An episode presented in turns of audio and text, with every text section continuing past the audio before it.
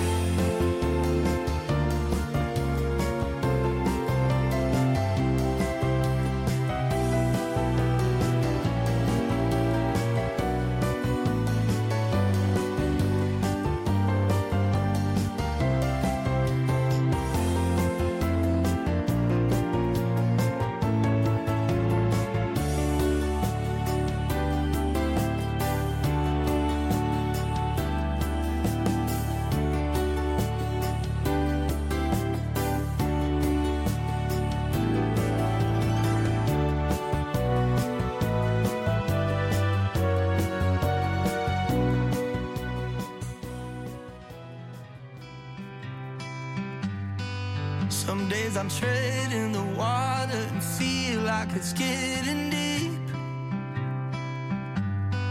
Some nights I drown in the weight of the things that I think I need.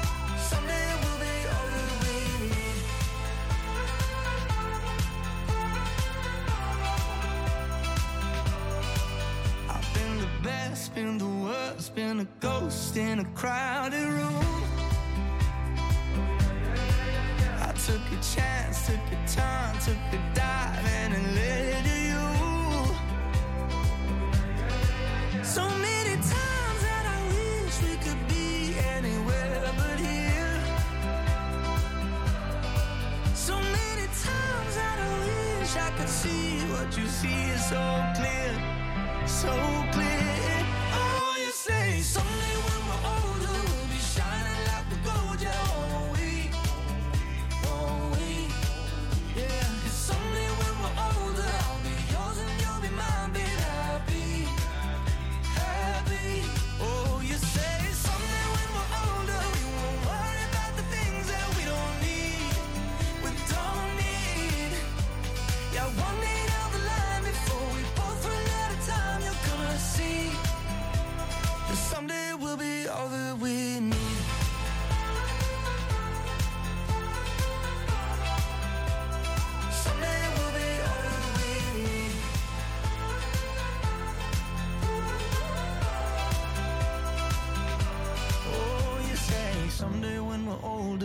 be shining like we're gold, yeah, won't we? Won't we? Mm, someday down the line, before we both run out of time, you're gonna see that someday we'll be all that we need. Sýteðis útvarpið á útvarpisögu í umsjón Artrúðar Kallstóttur.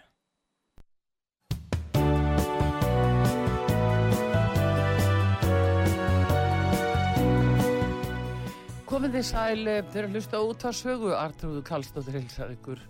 Ég ætla þessu sinni að uh, halda áfram að tala um bólusetningar uh, gegn börnum og þá umræðu sem að hefur tekið á sig margvíslega myndir í þessu sambandi.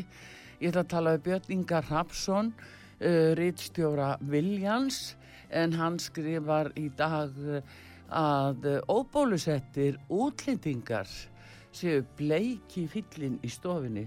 Þetta fer nú misjamt ofan í fólk og að ræða við Björn Inga um þetta. Nú síðan er það Kamila Sigriður Jósefsdóttir, aðstofamaður sóttanalagnis, hún er barna smitt sjúdómalagnis.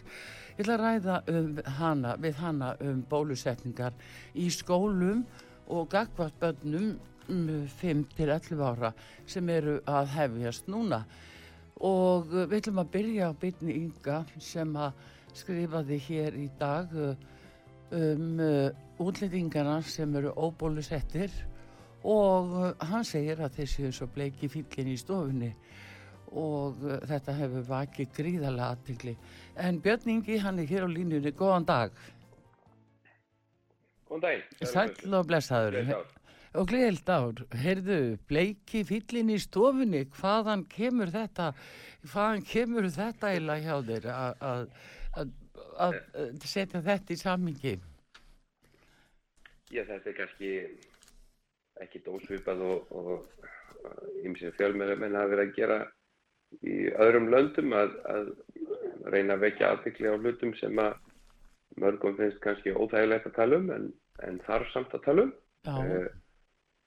Það er orðið vandamál uh, víða á vesturlöndum að það er ákveðin hópur sem að uh, vill ekki fara í bólusetningu og, og getur auðvitað haft ímsar ástæðis við því en, en uh, sumir þessum hópi taka bara COVID ekki til sín og finnst það ekki koma sér við og, og hérna það sem ég bara vekja aðtikla á er að slíkt hugarfær getur leitt af sér mjög mikinn kostnað og óhagræði og vandamál fyrir uh, samfélagið allt. Það er að segja eins og við sjáum núna það er að fjölga á landsbytalenum tölvert uh, og engum er þar óbólusettir sem er að verða að leggja inn. Jáfnvel þó að þjóðin sé með svona gríðarlega hátt hlutvall uh, bólusettra og örfunabóluskamt að þá er, þá er samt að fjölga á spítalanum og meir og minna er það allt fólk sem er óbólusett og uh, samkvæmt því sem að mér er sagt á spítalanum er að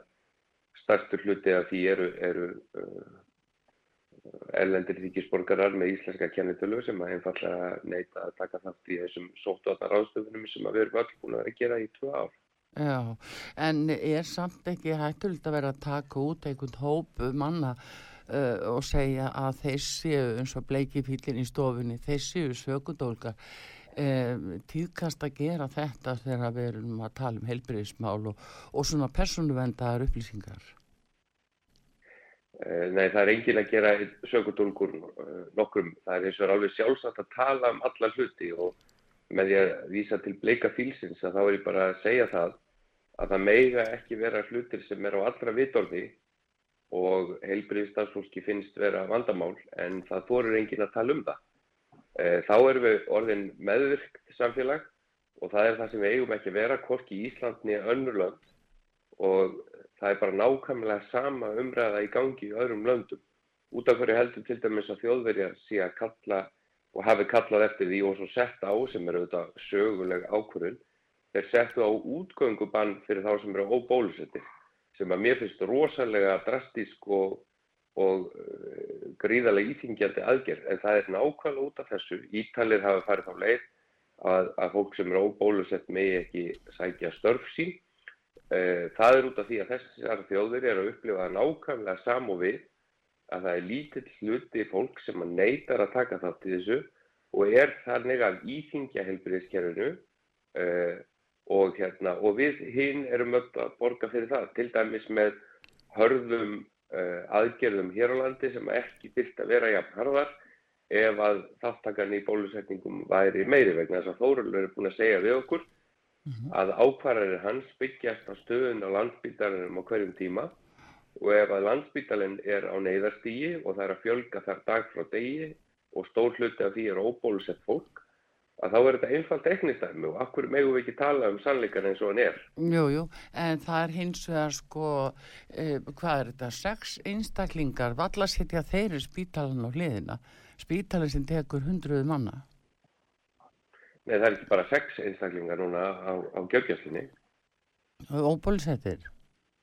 Hversu margir eru Nei, þeir? nei það, það, er, það, það, er komið vel á þriðja tug núna sem liggja inn uh, á landsbítalanum og, og hérna... En ekki eru þeir allir, ekki eru þeir allir óbólusettir.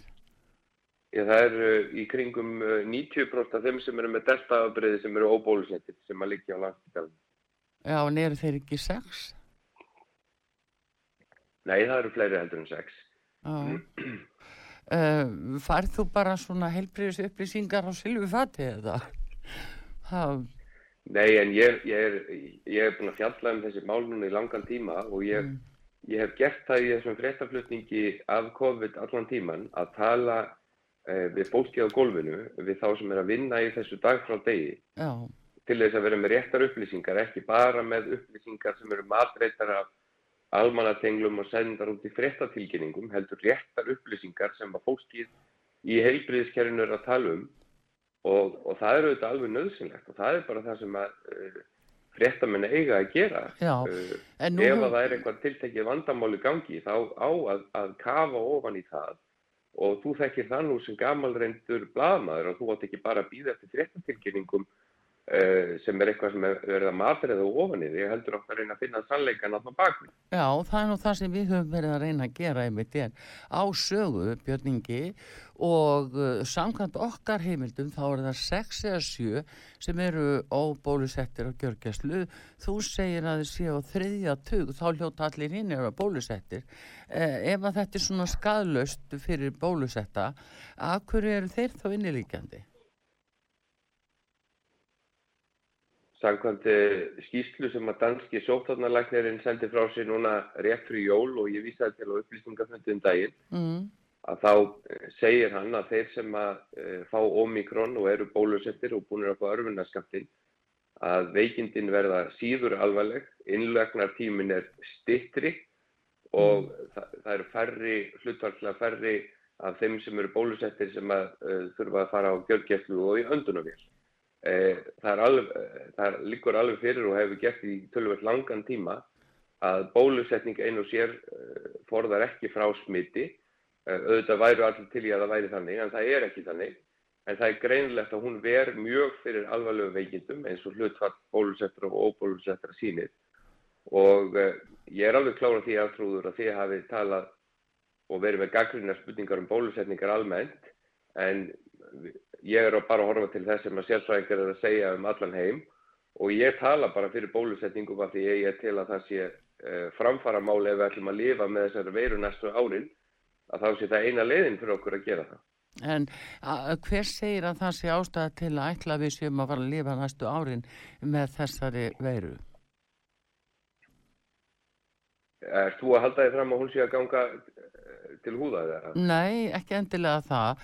Það er hins vegar, sko, við höfum talað fyrir því björningi að þetta sé livja tilraun sem að hafa verið að gera livja tilraun á, á heiminum í rauninni og meðal annars okkur íslendingum okkur var bara ekki sagt frá því. Nei, nei.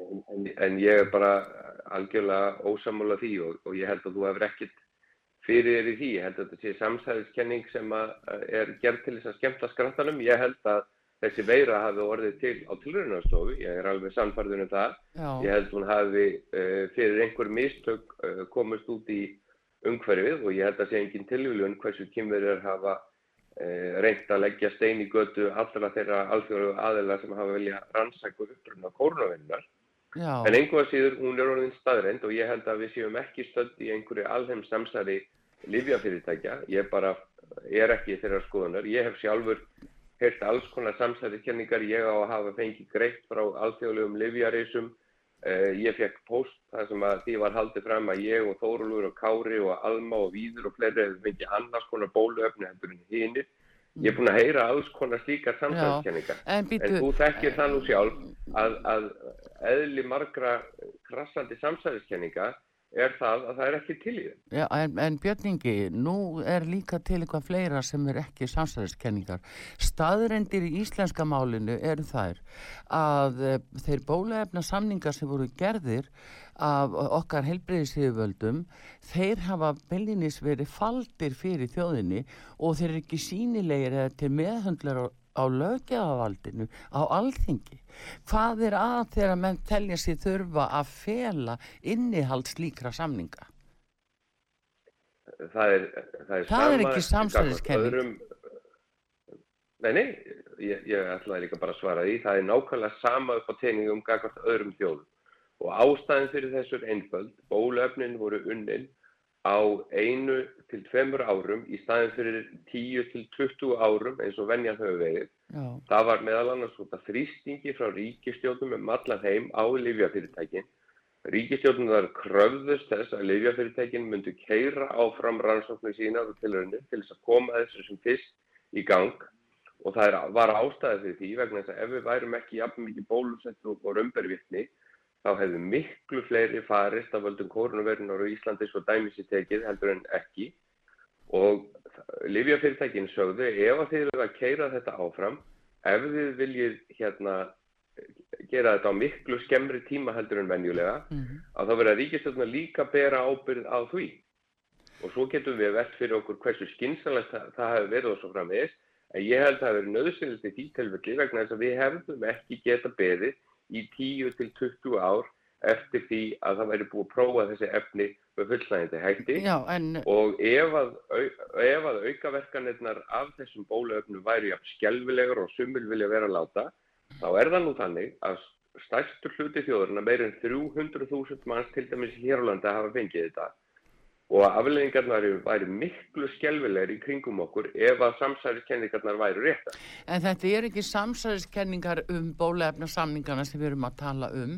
Þeim er, þeim er lengt fyrir okkur og það er innihaldi. Þeim er ekki bara leint fyrir okkur, þetta, þetta voru viðskiptasamningar sem Vesturlönd gerðu Mm. og, og ekki bara Vesturlönd, þetta eru öll ríki sem gerðu þessu samninga vegna þess að það er um að ræða viðskiptaleindarmál, það er alls konar hlutir og þetta er ekki bara bundið við Ísland og þetta var gert til þess að keira málið áfram. Já, en Livjafyrirtækin þá... hefðu líka getað sagt, Artrúður, Livjafyrirtækin hefðu getað sagt við okkur, Mhm, heyrðu við tökum bara 5 til 6 til 7 ári að þróa þetta. Já, að ríkistjórnundar í Londonum sögðu nei, þá frekar þjóðunýtu við þessi lífafyrirtæki og tökum þetta yfir vegna þess að við verðum að fá bóluefni strax.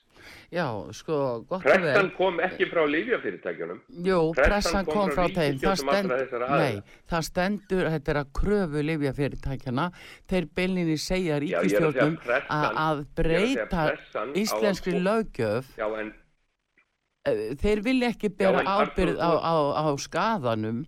Livjafyrirtækin vil ekki Nei, Ar- bera ábyrð á skaðanum af þessu. Akkur treysta er við ekki erum sínu ekki að tala bara um Ísland, við erum bara í alþjóðlegu umhverfi. Nei, alveg Og þú sama. getur ekki ætlast til þess að það snúist einhverja, einhverja sérreglur um Ísland Nei, nei. eins og þú mannst í umræðinu undarfærda mánuði þá vorum við að berjast við önnur ríki um að fá bóluöf við vorum, við vorum hundsvegt hérna yfir því að komast ekki í sérstak tilraunaverkefni með Pfizer eins og þú mannst.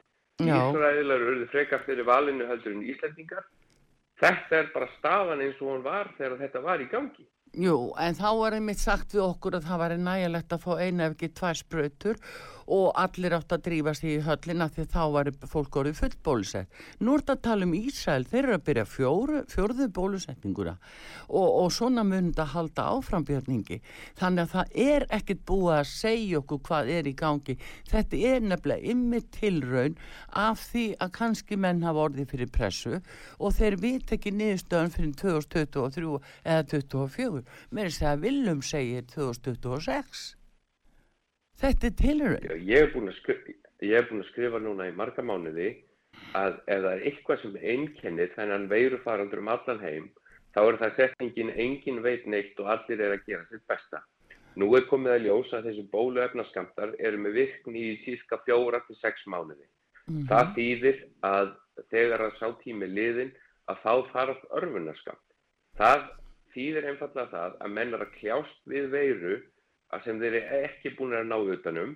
Nú berast með þessi að fréttir af því eh, að það sé komið nýtt afbreyði sem er kent við Kamerún og, og þeir kalla IHU já, og liggur ekki fyrir hvort það fær mikla útbreyðslu en það segir okkur að það munu koma fleiri afbreyði alveg eins og það eru bara tveir mánuðu sína fyrst við heyrðum um Omikron sem hefur síðan tekið yfir í heiminum.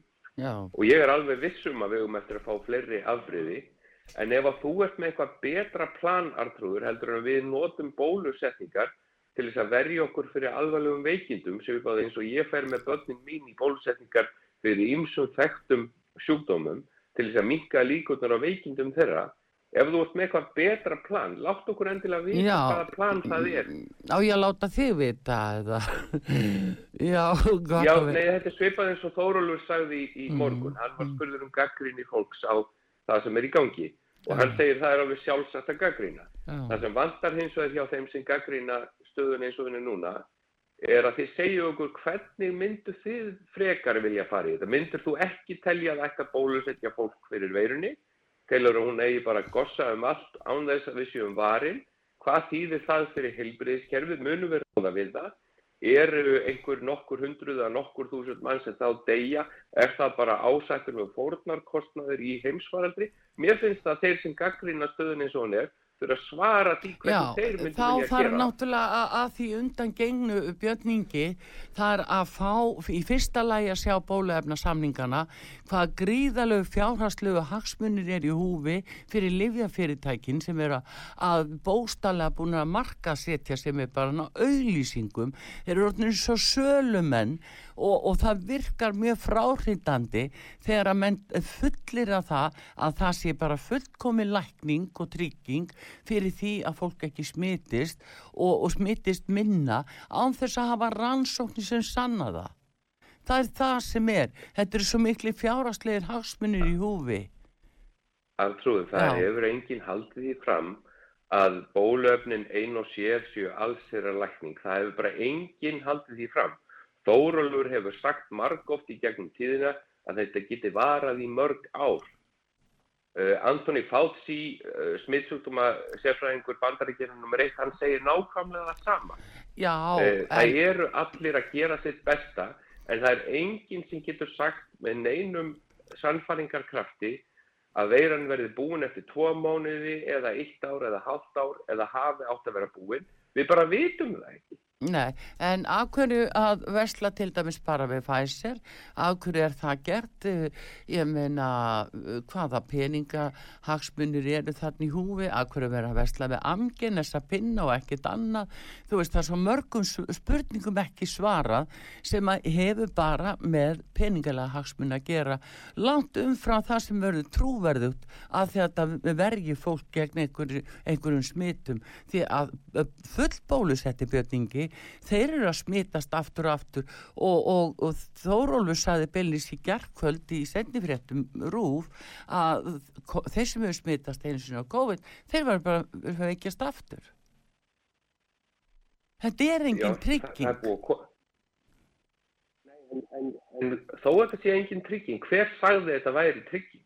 Hver hefur haldið því fram að þetta væri trygging? Þetta er besta planið sem við höfum. Þetta er svona svipað eins og þú myndir núna að segja ef að það færi aftur að gjósa á Reykjanesi að þú myndir gaggrina vísindamennina fyrir að hafa fagnaði um daginn að gósinu væri lokið. Við vitum ekki hvað náttúran býður okkur upp á. Við höfum ekki stjórn á því. Það eina sem við getum gert er að reyna að grípa til þeirra ráða sem við höfum til þess að minka skadan, til þess að venda viðkvæma hópa, elsta fólkið okkar, börnin okkar og reyna að halda samfélaginu gangandi með eins litlum og íþingjandi hætti eins og hægt er. Það er ekkert betra plan. Það væru allir til í að vera lausir við þessa veiru. En, en af því að þú ert að nefna til dæmis uh, pinna og annað slíkt, Mhm. eins og þú kannski mannst að þá var, þá var skortur í heiminum á ákveðnu tímabili á sínatökupinnum. Það var slegist um þá. Já, því- Landspítalinn átti ekki neina pinna. Nei, að það var af því að þeir völdu bara að kaupa af Amgen PCR-pinnana og, og þeir með þess að hefur verið dæmt, dæmt í Portugal sem algjörlega fullkomlega ólulegt fyrirbæri og ómartækt. Þannig að þetta við erum ekki Já, ég endilega meina, að fá Arnþór, bestu ef þú ætlar að vöruna. halda því fram, ef þú ætlar að halda því fram að, að smittsjúkdóma sérfræðingar á borði Dr. Má Kristjánsson eða Runolf Pálsson Mhm. eða sérfræðingar okkar á landsbítalanum að þeir séu allir þáttakengur í samsæði til þess að tryggja amgen einhvern sérstakann gróða, þá bara hafna ég því. Og ég tek ekki þátt í umræðu sem er á svona lágu plani. Nei, þetta er ekkert á lágu plani, það hlýtur nefnilega mega að tala um... Þetta er á mjög lágu plani. Björn Ingi, alltaf Björn Ingi, það að við hlýtur... séum að gera hluti Já, Artrúð, þú ert alltaf að gefa í skinn að það séu peningalegir hagsmunir þetta það. ráði ferðinu. Þú segir af hverju semjum við bara við. Já. Ég segi við erum búin að semja við fimm lifjafyrirtæki um bóluefni. Allt, Það er til, í tilraunaskinni, allt í tilraunaskinni, Björn Ingi. Allt í Pfizer. Eins og öll önnur lönd Artrúður, við erum að reyna að verja þjóðina og við erum að reyna að fara ráðum fremstu sérfræðinga í heiminum. Já, Allt í tilraunaskinni segir þú, en ert þú með eitthvað betra plan? Ég sko, ég vil... þú með eitthvað betra plan? Björn Ingi, ég vil bara sjá þig margtæka rannsóknir. Nei, nei, Artrúð, þú verður ekki að svara þessu. Já. Þú ert ekki bara svo sem spyr gaggrina spurninga, þú verður líka ekki að svara sjálf. Þegar þú segir að við séum í tilraunastansemi og við séum að gera þetta og við séum bara að hugsa um peningar einhverja alþjóðlega livjareisa. Já, Ég bara segi þér það að allir okkar sérfræðingar, Þórólfur, Már, Runólfur og mikið af þessu fólki sem er, all, allt þetta fólk sem er að vinna á gólfinu á landsbytalanum og er að bjarga mannslíðum allan daginn, við, þetta fólk er ekki þáttakandi í neinu samsæði. Ég bara fullir ekki, ekki fólki sem er á gólfinu það ræður engu. En og það eru þeir sem, það eru þeir sem taka ákvarðanir. og ekki Alma og ekki Víðir, það er ekkert samsæði í gangi. Það Það er er engin, það er engin, sitt allra besta. Björn Ingi, það er engin að tala um samsæri. Þetta samsæristal, nei, nei, Jú. samsæristal í þér og fleirum, það er bara ykkar varnarkerfi sem brest þannig við af því þið hafið ekki svör við þessu, af hverju kvílir öll þessi leynd yfir fæsir samningnu til dæmis? Af hverju fekk ekki alþingi að sjá innihaldið? Ég er búin að segja þér margótt að það eru nákvæmlega samningar við þessi fyrirtæki af hálfu Íslenska ríkisins eins og allra annara vesturlanda. Já, en af hverju með ekki Þú sjá ert að það? segja að það er að vera einhver sérstök regla fyrir Ísland. Nei, nei, ég er ekkert Þá að segja myndir það. þú frekar sætta þig við bóluefna. Nei, ég vil bara Það, ég vil þá myndir þú bara finna eitthvað annað aðrið til þess að gaggrina og segja að þetta snúist allt um peninga. Ég meina, ég ber fulla vriðingu fyrir því að fólk vilja spyrja gaggrina spurninga. En þá verður það líka að segja hvað viltu frekar gera heldur en við notum nýjustu upplýsingar um læknavísundum og reynum þó allavega að nota þau lif sem eru að verða til, þau bóluefni sem eru að verða til og reynum að nýta okkur nýjustu þekkingu. Ég skrifaði nú bókum þetta og ég er að vinna að efni í aðra bók Já, og ég get sagt þér til dæmis að sérfræðingarnar okkar á landsbítalunum þeir hafa lært svo mikið um þessa veiru á undanfjöldum tveimur árum. Þeir eru búin að læra svo mikið hvernig á að bregðast við. Þess vegna þurfum við að leggja færðir hlutfall inn á gjörgjörlinn áður við lærum hvernig á að grípa inn í þetta og annað og þetta er allt orðið miklu í, minna íþengjenda áður við erum með stittir einangruna tíma við erum með stittir mm sótkvíða tíma við setjum fólk fleikar í smitgátt sem að, hérna fyrir nokkurum mánuðum hefur farið í sótkví og svo framvegis við erum endarlaust að reyna að finna leiðir til þess að lifa með þessu vegna þess að ég held í fram og mjög margir aðrir að við þurfum á næstu árum að lifa með þessari veiru. Jaha. Já, já, þetta er tilraun, það er bara þannig eins og kemur fram í samning, samningunum, þetta er tilraunaverkefni og, og, og, og heilbriðs á þeirra raunverulega búin að staðfesta það. Þannig að Björn Ingi, það, það er hins vegar sko, ef á að lifa með þessari veiru og lifa með þessu, þá getur það ekki verið eðlilegt að taka út einhverja hópa og ráðast að þeim með nýðirði bara og, og af þeir eru óbólusettir, það er frjálst val. Hvar, hvar, hvar, vo- hvar voru mín? Þú ert að taka út óbólusetta útlendinga Já, sérstaklega. hvar eru nýðirðin? að þeir séu, erum svo bleiki fýllin í stofunni. já, að það með ekki ræða það. Það er ekkit nýðirði, Artrúð. Það er bara í haustnum á þér. Nei, Það sem er bara það, við erum, jú, jú, nú, nú ætlum ég bara að halda, segja þér það. Við erum til dæmis búin að ræða um unga fólki sem er á djamminu. já, Á hverju máttum við tala um það en ekki útlendingar sem eru óbólusettir? Við megum tala um það sem þarf að tala um. Við vorum ekki með nýðirðum unga fólki sem vil skemmta sér og fara í karaoke, jafnvel þó að það hafi nei, en þá megum við Það var líka líka tala, hérna á sínum tíma rætt um hættu á líkamsræktarstöðum, í sundi og svo framins. Við erum búin að fara í gegnum þetta á undanföldum mánuðum og misserum, já, alla mögulega Björn og það má ekki, nei, Artrúður, það Já. má ekki vera þannig að, að einhver einn hópur sé undan skilin í umræðinni. nei það er nefnilega Ég var það. bara vekja En- en þeir sem eru þeir sem eru ekki sammála gríðarlega ykkur- harðar ráðstafanir gagnvart þeim sem að neita að fara í bólusetningu. Við Íslandingar höfum sem betur fer ekki gripið til neitna slíkra ráða. Við erum ennþá bara að hvetja fólk til þess að fara í bólusetningu og Þórólfur er búin að gera það Já, þeir að hvetja og ég fólk, vil nota þetta eh, tækifæri til þess að gera eh, það líka sko, eh, og það má Björn Ingi. tala um hlutina og jafnvel Já. þó að þér finnist það óþægilegt að þá verðum við að geta gert það vegna Ég- þess að þú ert nú fræg fyrir að vilja tala um hluti sem mörgum finnist óþægilegir nú, og þess vegna vekur það aðtekli að þú viljir ekki tala um þetta. Nú, vil ég ekki tala um það. Ég bara áskil mér rétt þess ymmit að gaggrina þetta, allan þennan feluleik sem er sínilegur út af samningunum og ég, ég byggst undan því að það verði stöðu kalla samsæliskenning af því að það hendar ykkur ekki. Það bara hendar ykkur ekki. okkur hverjum er ég orðin hluti af einhverju apparati Þú þú ert, sem nei, þú- þú ert að tala þannig. Þú ert að tala Nei, ég þannig. er að spyrja spurninga og ég er að reyna að segja hlutina eins og þeir eru Arnþrúður. Já, við erum líka að reyna að segja það bara á hlutin eins og þeir eru. Við erum líka að segja, segja hlutin eins og allir þeir eru. að gera sitt besta, Já. ekki satt? Jú.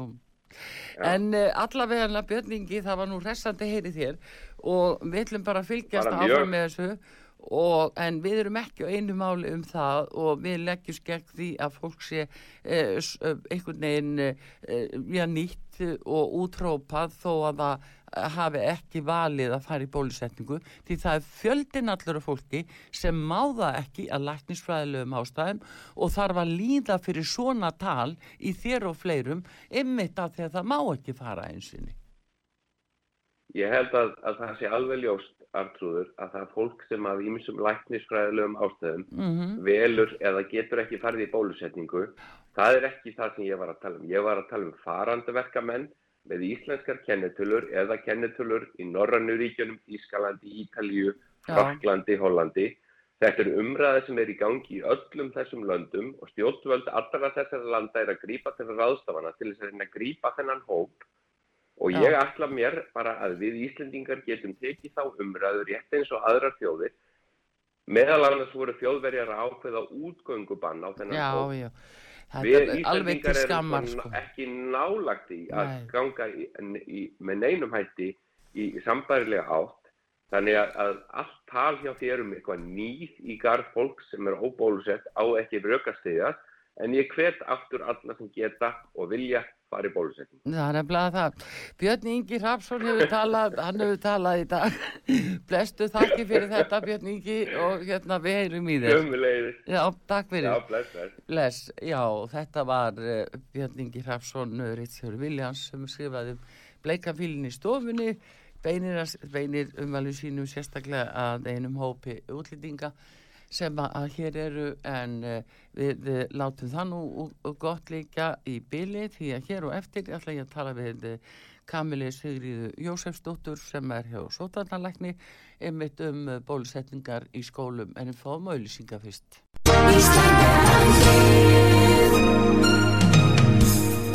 Styrtareikningur útvarpsögu í Íslandsbanka á Granda.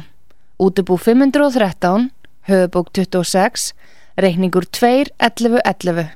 Nánari upplýsingar á útvarpsaga.is. Takk fyrir stöðningin. Sýteðis útvarpið á útvarpisögu í umsjón Arnþróðar Karlsdóttur.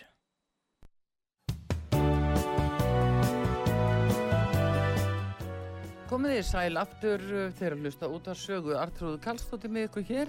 Uh, Við ætlum að tala um uh, bólusetningar sem fyrir hugaðar eru á 5-11 ára gamlu börnum í skólum. Uh, Ef ég veit rétt þá er það Kamila Sigriður Jósefsdóttir uh, aðstóðar sóttvarnalæknir. Uh, hún er jafnframt barna smittsjúdómalæknir sem að hefur yfir umsjón uh, með þessari framkvæmd eða hvað.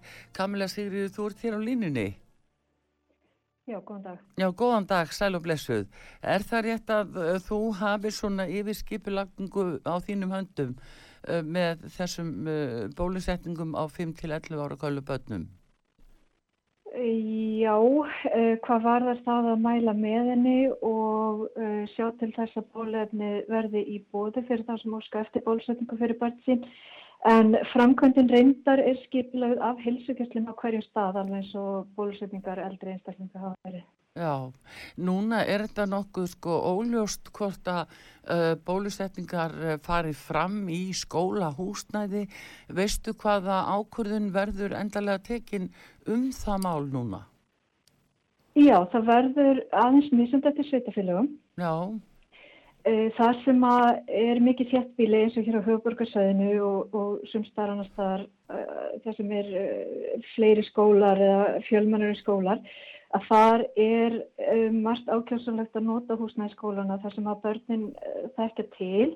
Það eru skólahjókunarfræðingar við alla skólana þannig að helsugjastlan hefur sem sagt, inn í skólana og uh, svona búnaður og ýmislegt annað sem að þarf að nota er, er til staðar uh, í skólahúsnæði.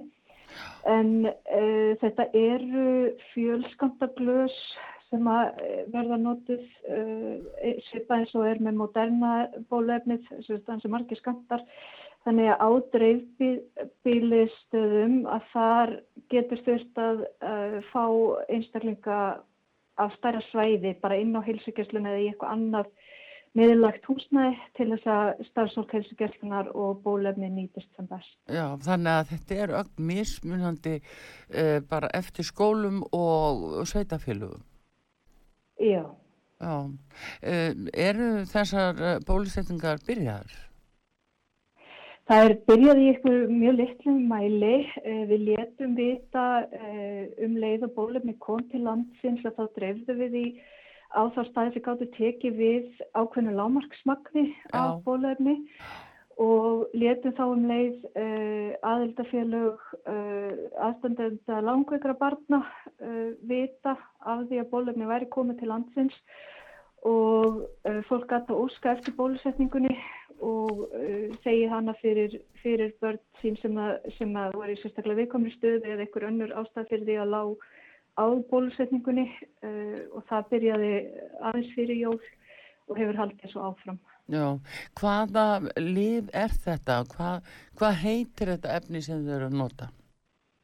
Fyrir Þetta börn? er bólefni frá Pfizer BioNTech uh, sem að við kallum yfirleitt Pfizer bólefni en heitir endar Comirnaty Já, og þetta er sérstök barnaútgáfa sem við notum í þessum uh, bólusetningum. Þá er minni skamtur af bólefni Mm. og minna magn af efni sem er í sprautunni líka, aðeins minna, minna rúmál. já, Og uh, það er líka aðeins búið að breyta samsetningunni til þess að geymist betur utan fristis. já, Þannig að geti leið á heilsugjæslustöðvunum lengur uh, áður en þarf að nota það. Eh, Hvaða rannsókn hefur farið fram sem ykkur er kunnutum á uh, svona skadleysi við notkun á þessu kominati efni?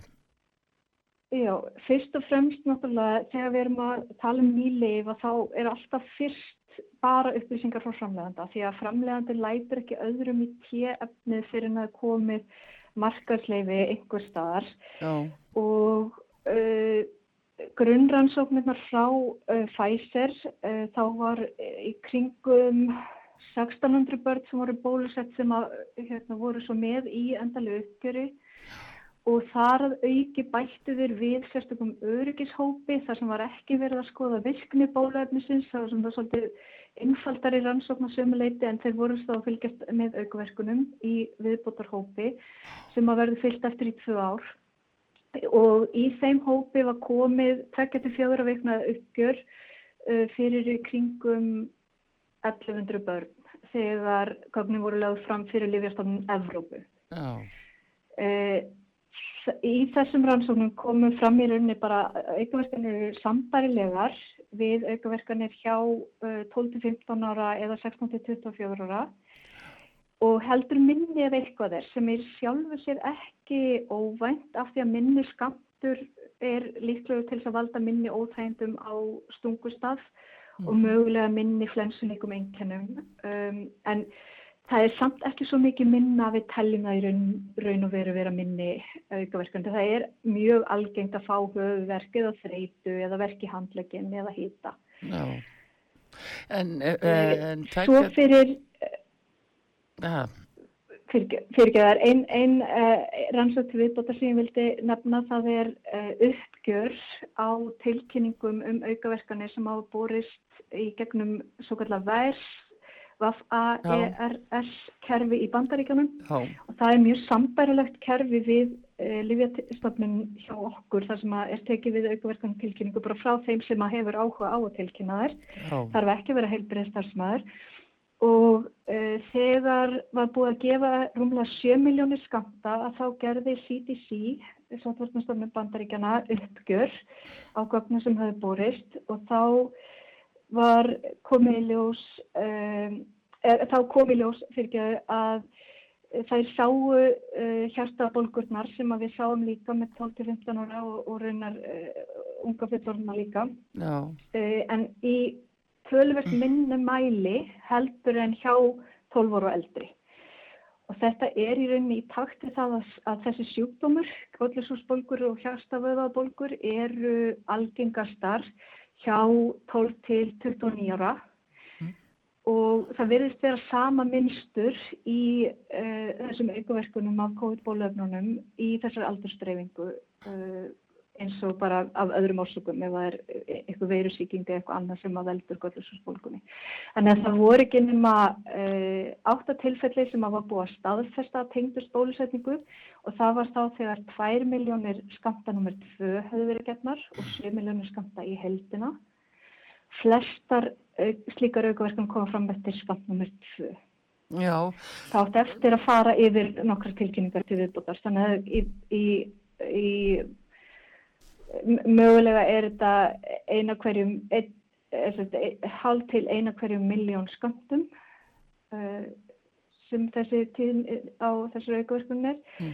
Eða ef að það reynist svo vera að einhverja, fleiri tilkynningar reynist ekki tengjast bólusetningu að þá gæti það farið uh, alveg niður í, í, í um, eh, hálf, hálfa, hálfa aukaverkun per miljón bólusetningar já.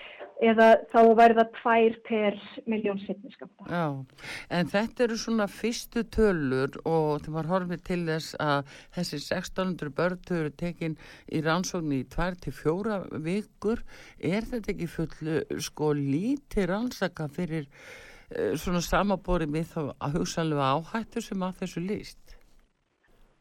Sko, uh, stærri hópurinn sem var bólusettur, honum hafi verið fyllt eftir í, í 2-3 mánuði uh, eftir bólusetninguna. Svo var þessi öryggisviðbótarhópur sem að var uh, fyllt eftir í 24 vikur. Þessar alveglega aukaverkunum sem við vitum um eftir bólusetningar uh, eldri barna eða fullorðina að þær koma fram innan fjögura vikna eftir bólusetninguna. Þannig að þetta er í sjálfu sér ekki óðalugur eftirfylgni tími.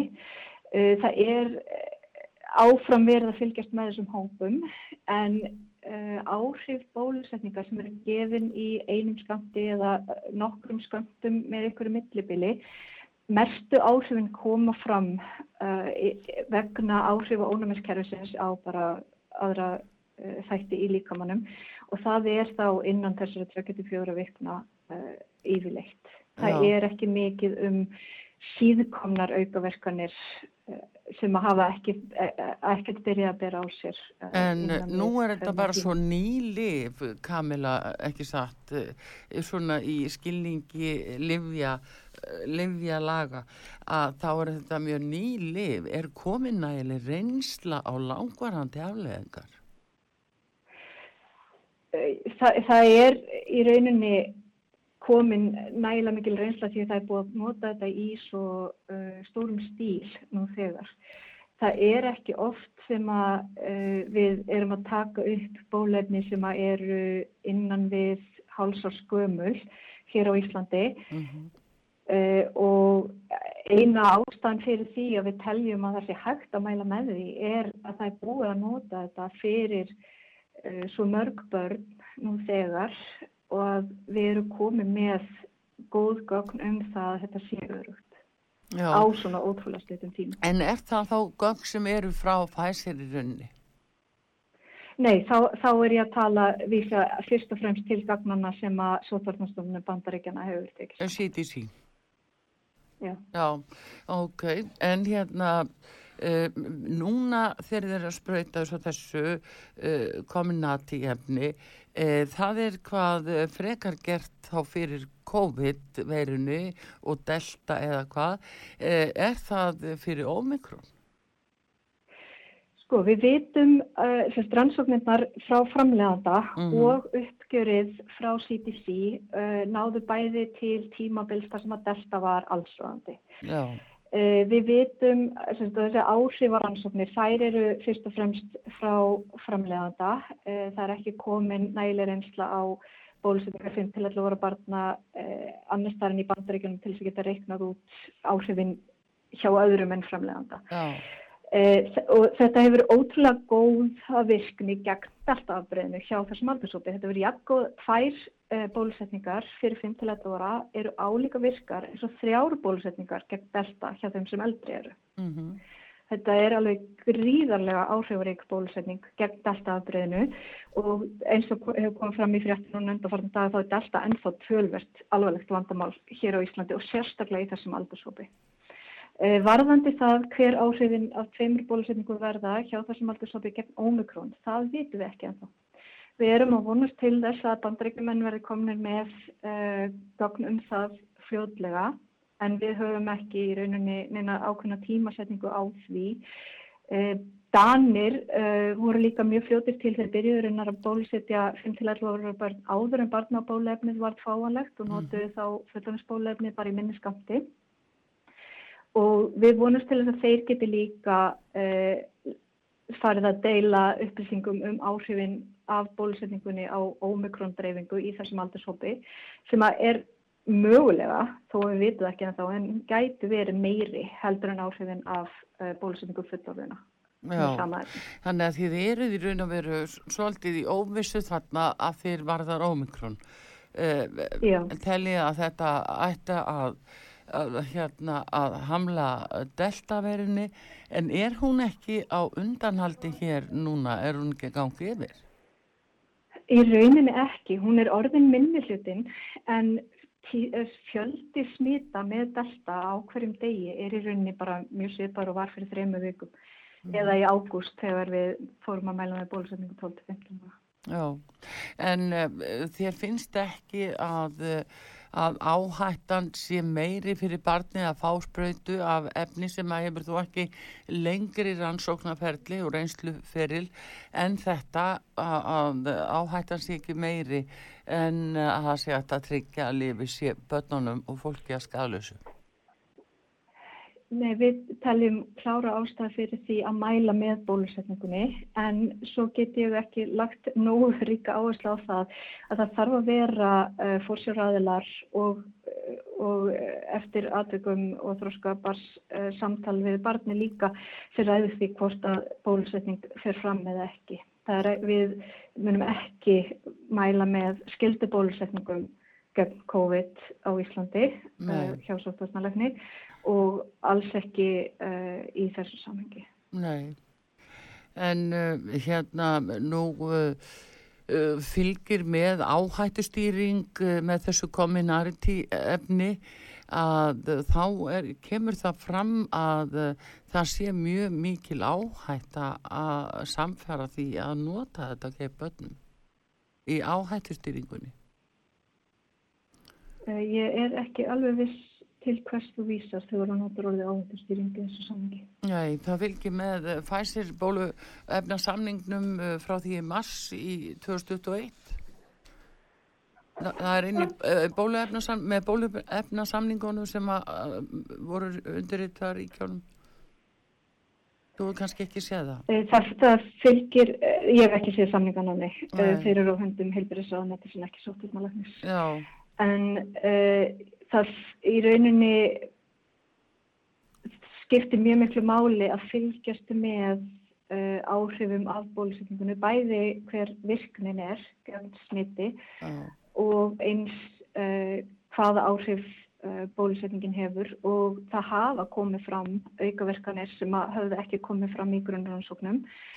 Og það á ekki bara við um þetta bólefni, þá líka við um önnur bólefni eins og blóðtappana, þess að ofinnilegu uh, blóðtappa sem kom upp í, í samengi við AstraZeneca bólefni og við höfum alltaf reynd að gæta þess að, að stíga mjög varlega til jarðar að leið og koma fram einhver teikn um uh, áhættu af bólefnunum að annarkvort að stöðva algjörlega nótkun þeirra eða uh, skilgreina ákveðna hópa sem að mega áfram fá bólusetningu og meðan við erum að afla frekari upplýsinga. Já, og þegar 12-15 ára áttu kosta bólusetningu vegna markaðsleifis uh, í Evrópu að þá mæltum við gegn uh, bólusetningu á tímabili vegna þess að okkur fannst ekki verið að koma nægileg gögn um uh, þessar hjartabólgur. En svo þegar þau komu að þá gáttu við staðfest það að áhættan á hjartabólgu eftir COVID er meiri heldur en eftir bólusetninguna og þar með rík ástæð til þess að mæla með bólusetninguna. Og það sama á við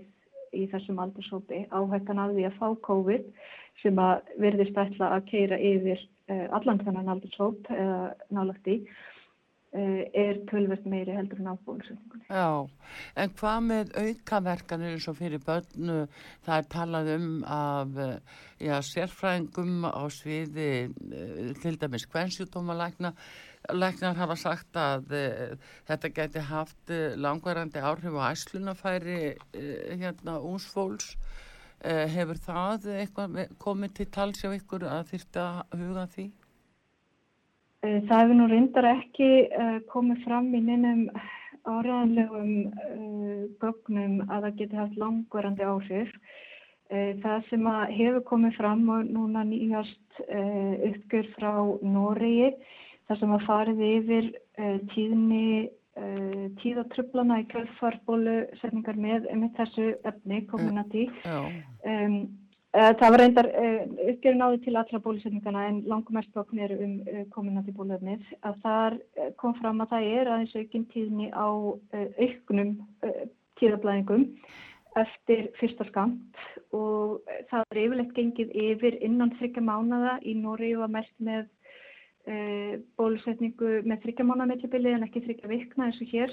Já, og þar var tíðarhingur yfirleitt komin í, í fyrra horf áður en að konurna fengur skamt nummer 2 og eftir skamt nummer 2 að þá var aðeins meiri hægt á að konur sem höfðu fengið tröflun eftir fyrir skamtin fengið aftur tröflun og uh, konur sem höfðu ekki fengið tröflun eftir, við fyrir skamt gáttu fengið eftir sérna skamt og það voru líka aðeins uh, fleiri tegundir á tíðatröflun. Það var ekki bara aukiflæði, það var líka, uh, gæti verið minnaflæði, það gæti verið uh, færri dagar, uh, fleiri dagar og allt það er framstu gödunum. mhm, Og það er ekki ennþá komið í ljós í þessum norsku gögnum uh, hversu langan tíma sútröflun uh, gæt átt sér stað.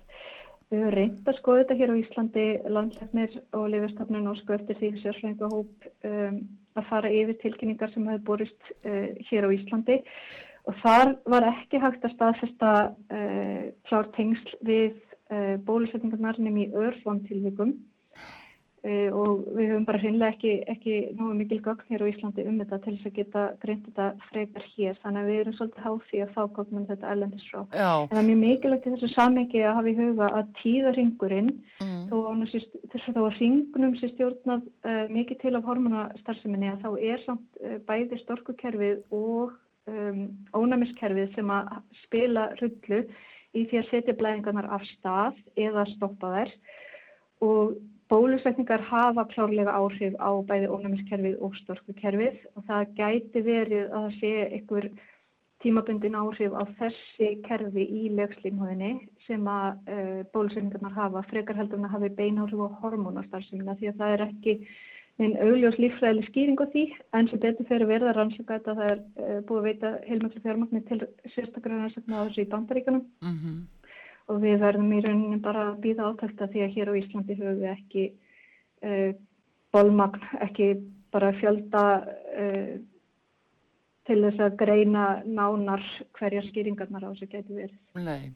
Þannig að í raun og veru þá er ekki vitað um afleggingar hvað þetta varðar þá á ég við eh, til dæmis eins og á uh, ófrjósemi til frambúðar hjá uh, ungu, ungu, unga fólkinu uh, sem að gætu verið fylgifiskur hugsanlega. Nei, það eru samt komnar goða vísmyndingar um að þetta hafi ekki áhrif á frjósemi. Uh, þegar, um, þegar var verið að rannsaka uh, bólöfnin í uh, grunnrannsóknum hjá fullornum að þá var fylst með tíðinni óvendra þungana því að yfirleitt þegar konur taka þátt í bólusetningarannsóknum að þá er svona, óska eftir því að það er uh, reyni að forðast að verða þungaðar en það verða alltaf einhverjar uh, barsamandi á rannsóknum tímanum og það var sama tíðni hjá konunum sem fengu bólefni og konunum sem fengu uh, livleysu og uh, læknar í Bretlandi uh, hafðu fylst með um, bólusetningastöðu kvenna uh, sem að voru í frjósumismeðferð og þeir gáttu ekki séð mun á uh, velgengni uh, hvenna sem hefur verið bólusettar samanborið við konur sem hefur ekki verið bólusettar síðastlið vor. Já, það er nú það, en uh, svona síðustu aðeins eh, Kamila, uh, afleðingar og aukaverkanir af bólusetningum þá bara allt þessi fullornum, það er talað um uh, hátt í 300 mjög alvarlegar aukaverkanir, hvar, inn á hvaða stopninu liggur það fólk, er það inn á spítalum? Ertu að tala um hér á Íslandi? Já, það, það er uh, til þess að aukaverkunum flokkist sem alvarleg að það þýðir ekki að það hafi komið til innlagnar. Það getur uh, verið bráðanóttöku heimsókn eða, eða heimsókn og heilsugesli. Það er eitthvað sem að krefst þess að þú, að þú fáir læknis aðstof, skoðun eða einhverja meðferð.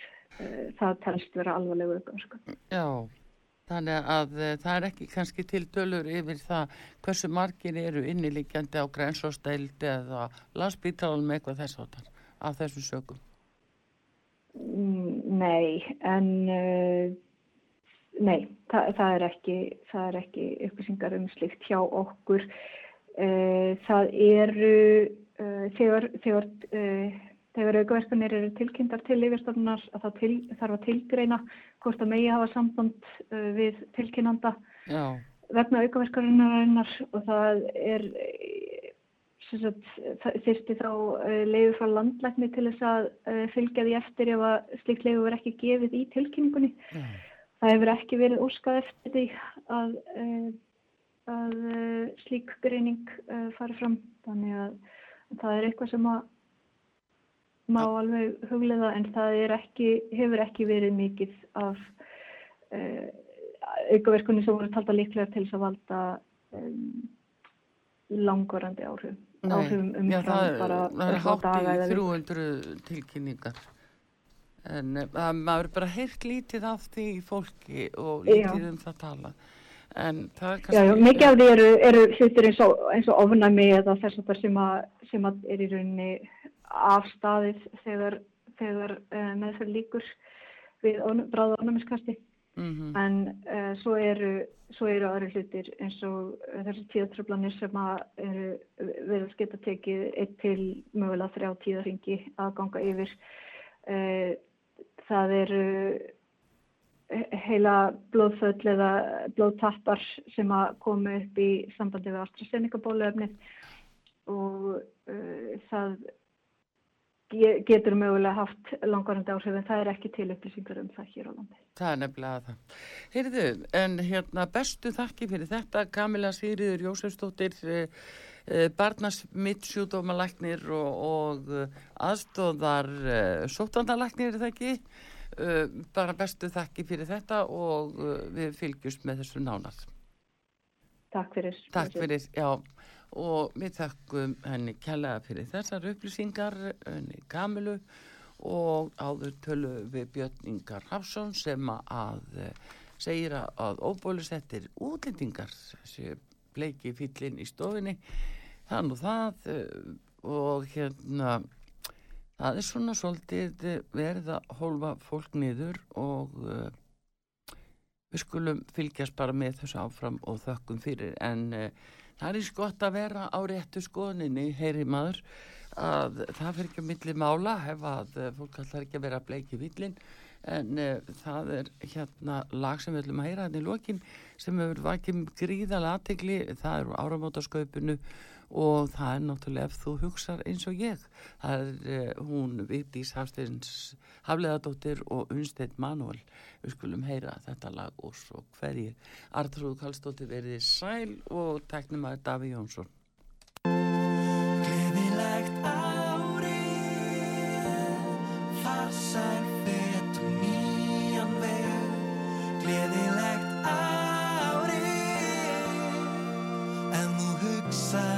eins og ég. Ég get ekki tekið mark á þér Þú veist ekkert hver ég er, En ég sé hvað þú lækar á Twitter eins og hvað, því ég veit alveg hvaða flokk þú kýst. Ekki þann rétt að það er víst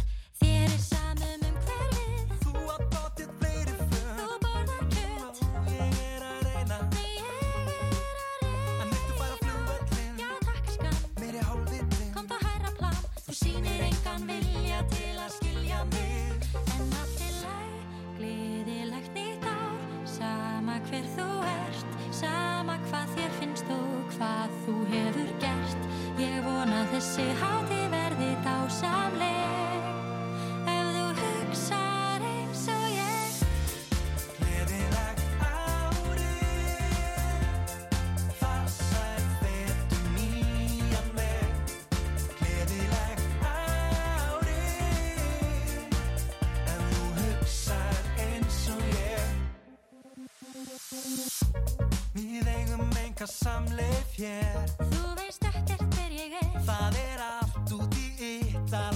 þér. Hvað með það? Ekki er ég að dæma hvað þér finnst Með versta smekk sem ég